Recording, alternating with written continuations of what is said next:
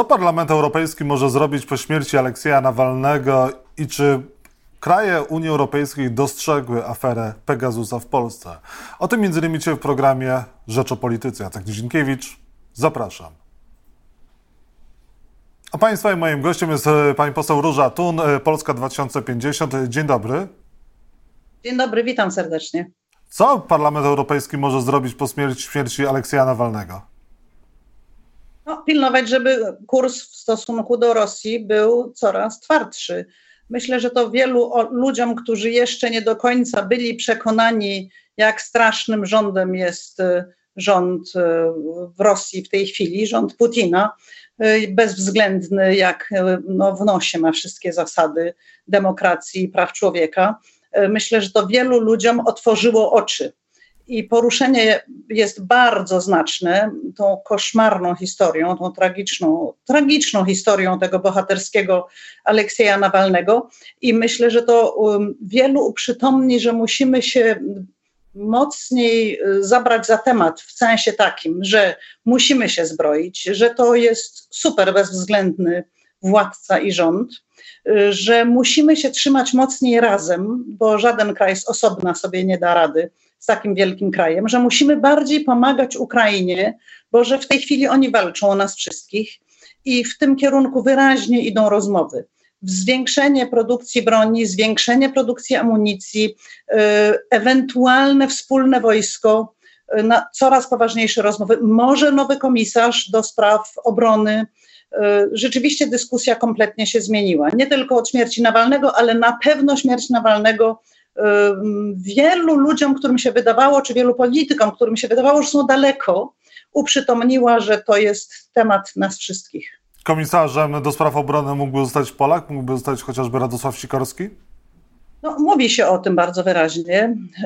Zobaczymy oczywiście, co będzie, bo to nie jest taki temat na już. To wymaga reorganizacji Komisji Europejskiej w znacznym stopniu, a to wszystko jest dosyć powoli trzeba by stworzyć dla niego y, całą dyrekcję, y, trzeba by y, zmienić w ogóle układ komisarzy, więc nie wiem, czy to w ogóle się w tej kadencji jeszcze uda zrobić, ale rozmowy na ten temat się toczą.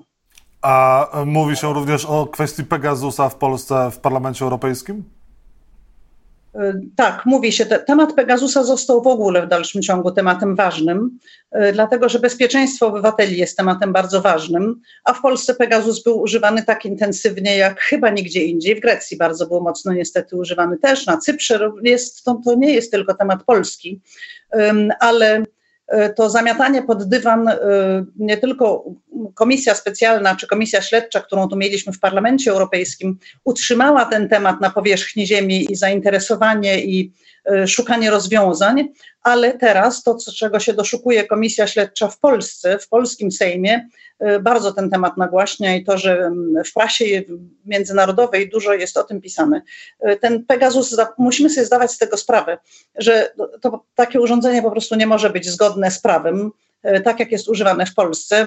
Po pierwsze, nie wiemy, ciągle jeszcze nie dostaliśmy tej listy, kto był podsłuchiwany. Ja bardzo e, bym naciskała na to, żeby osoby, które były podsłuchiwane, wiedziały o tym, a przede wszystkim te, przeciwko którym nic nie znaleziono, te, które były podsłuchiwane na przykład z powodów politycznych, one muszą wiedzieć, co z tymi danymi, prawda? Gdzie są te informacje od nich, o nich? Pamiętajmy, że to mogą być informacje niezwykle intymne w ogóle, nie, ma, nie mające prawa gdzieś istnieć na w jakiejś przestrzeni serwerowej, czy ja nie wiem jakiej, ale to też mogą być dane wrażliwe dotyczące Polski.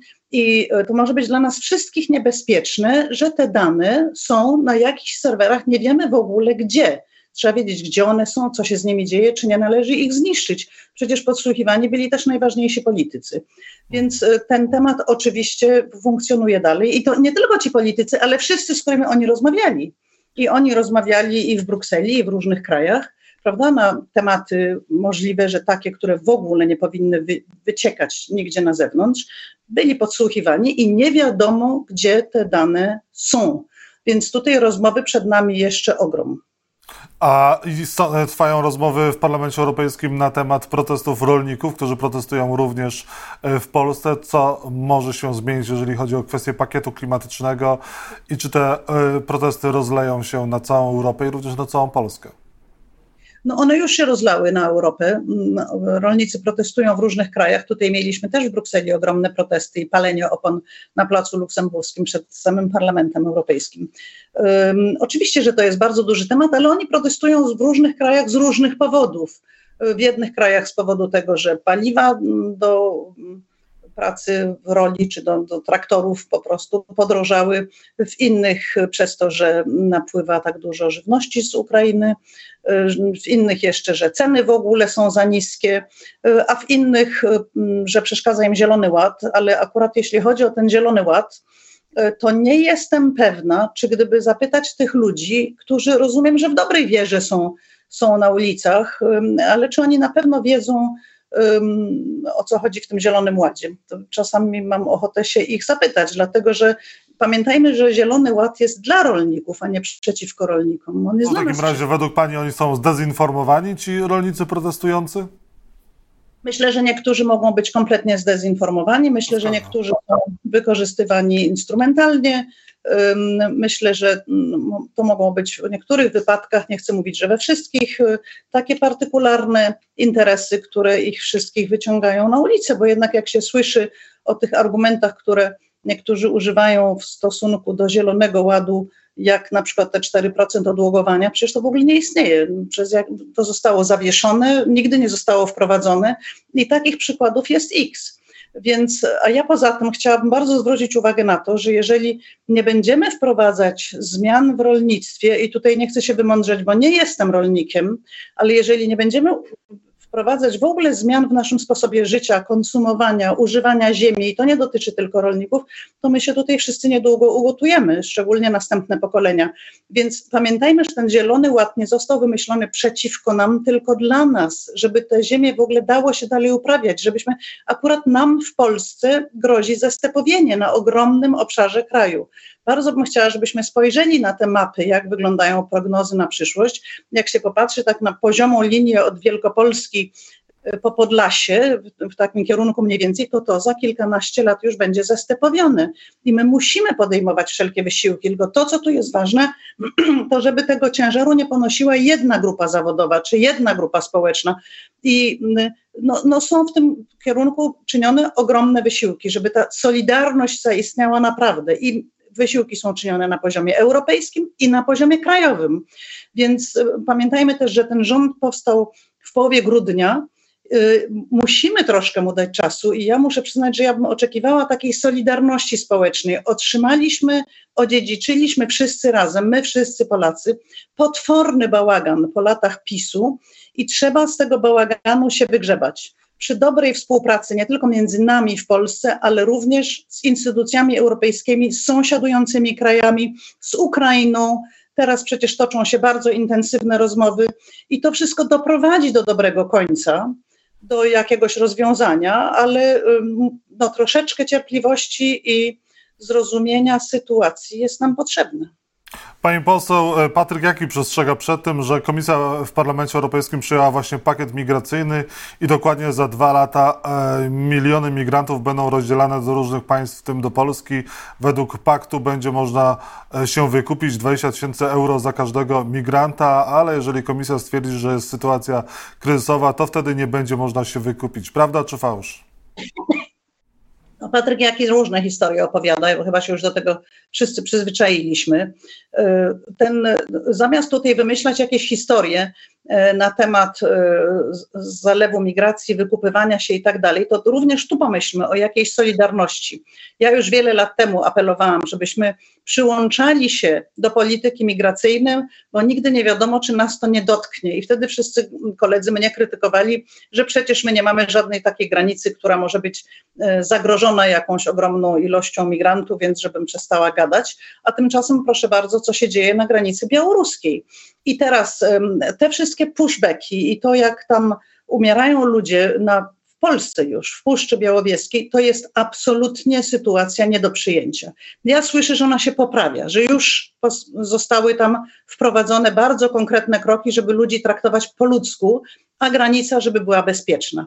I tutaj jedyne, co możemy zrobić, to nie wrzeszczeć na inne kraje członkowskie Unii Europejskiej czy na instytucje europejskie i się obrażać i ustawiać plecami, bo żaden kraj sam nie da sobie rady z procesem migracji. Ta migracja i tak będzie, i tak. I my możemy y, zagospodarować, czy jakoś dawać sobie z tym radę tylko wszyscy razem.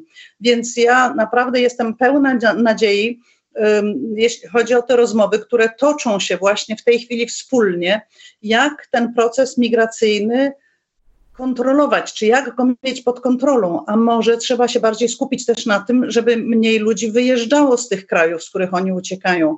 To jest cała polityka pomocy krajom rozwijającym się, cała polityka zaopatrzenia w wodę terenów suchych i tak dalej, i tak dalej. Cała polityka eksportu i importu. Zboże z Ukrainy też powinno trafiać do krajów północnej Afryki, ono tam jest koniecznie potrzebne. Tej roboty jest bardzo dużo i my zamiast straszyć i opowiadać jakieś dyrdymały, to musimy, my musimy szukać rozwiązań. I może jeszcze jedno zdanie, panie redaktorze. Pamiętajmy, że w Unii Europejskiej liczą się tylko ci, którzy przychodzą z konstruktywnymi pomysłami. I my jesteśmy w tej wielkiej piątce. My jesteśmy jednym z największych krajów Unii Europejskiej. W tej chwili pracujemy nad trójkątem weimarskim. Trzy duże kraje w Unii Europejskiej Francja, Niemcy, Polska wspólnie. Chcemy mieć większy wpływ na politykę całą, ale nie właśnie blokując, tylko wychodząc z rozwiązaniami. Musimy szukać wspólnie rozwiązań na sytuacje, które są bardzo trudne i e, tylko w ten sposób do czegoś dojdziemy. I dwie kwestie na koniec, proszę o krótkie odpowiedzi. Dlaczego e, e Polska 2050 nie ma w wyborach na prezydenta Warszawy swojego kandydata i czy podobnie będzie w wyborach na prezydenta Polski będziecie mieli jednego wspólnego kandydata i będzie to na przykład Rafał Trzaskowski, a może Szymon Hołownia byłby wspólnym kandydatem Koalicji Obywatelskiej i Trzeciej Drogi? No ja bym się bardzo cieszyła, żeby wszystkich Polaków wspólnym kandydatem był Szymon Hołownia, przy całym szacunku dla e, pana prezydenta Warszawy Rafała Trzaskowskiego. E, ale e, Szymon Hołownia byłby, jest znakomitym kandydatem na prezydenta Polski i takim autentycznie zmieniającym ton, otwierającym instytucje. No widać już w tej chwili, jak inaczej funkcjonuje Sejm, jakie jest zainteresowanie Sejmem, czyli procesem demokratycznym, czyli demokracją w Polsce. Będziecie namawiać koalicję Platformę Obywatelską, że poparła y, Hołownię w wyborach na prezydenta, żeby był jeden wspólny już, kandydat? Już teraz, już teraz namawiam y, nie tylko koalicję obywatelską, ale wszystkich innych, żeby Y, zaufać temu, że Szymon Hołownia byłby naprawdę wspaniałym prezydentem Polski i to by była, było prawdziwe jakieś odnowienie y, dialogu z obywatelami. On już to stosuje, to odnowienie dialogu z obywatelami jako marszałek Sejmu, jako prezydent y, byłby ten głos jeszcze mocniejszy. A w Warszawie na razie wygląda na to, że nie będziemy wystawiać swojego kandydata. Na razie wygląda na to, że będziemy popierać pana prezydenta Rafała Trzaskowskiego, który zresztą każdy widzi, dokonuje wszelkich możliwych wysiłków, żeby Warszawa się szybko rozwijała. Czasami to bywa uciążliwe, ale z niczego nie ma nic. Czy pani y, ma mm, pretensje do Donalda Tuska, że zwolnił pani córkę z pracy? Maria Tun została, e, była zatrudniona w Ministerstwie Cyfryzacji oraz w Centrum Ośrodku Informatyki, no ale po interwencji premiera tej pracy została pozbawiona, ma chyba dostać odprawę i, i czy tam została już ta kwestia załatwiona, czy trwają negocjacje? Ja bym powiedziała, że o osobie 40-letniej z ogromnym dorobkiem zawodowym nie można ciągle mówić jako o córce mamusi i to jest stosunek do kobiet chciałabym, żeby był poważny, a nie żeby je tak traktować. E, po drugie, ona sama prosiła mnie, żebym nie komentowała tej sprawy. Ja się nigdy nie wtrącam w życie zawodowe moich dzieci. Żelaźnie się tego trzymam. One tego zresztą nie chcą. Każdy z nich robi swoją własną karierę. I Maria Tun również prosiła mnie, żebym nie komentowała tej sprawy, w związku z czym ja jej nie komentuję. A pani relacja z Donaldem Tuskiem? No, nie mam okazji z nim mieć żadnych relacji. Róża Tun miała relację z programem Rzecz o Polityce. Teraz bardzo Pani dziękuję za rozmowę. Dziękuję bardzo.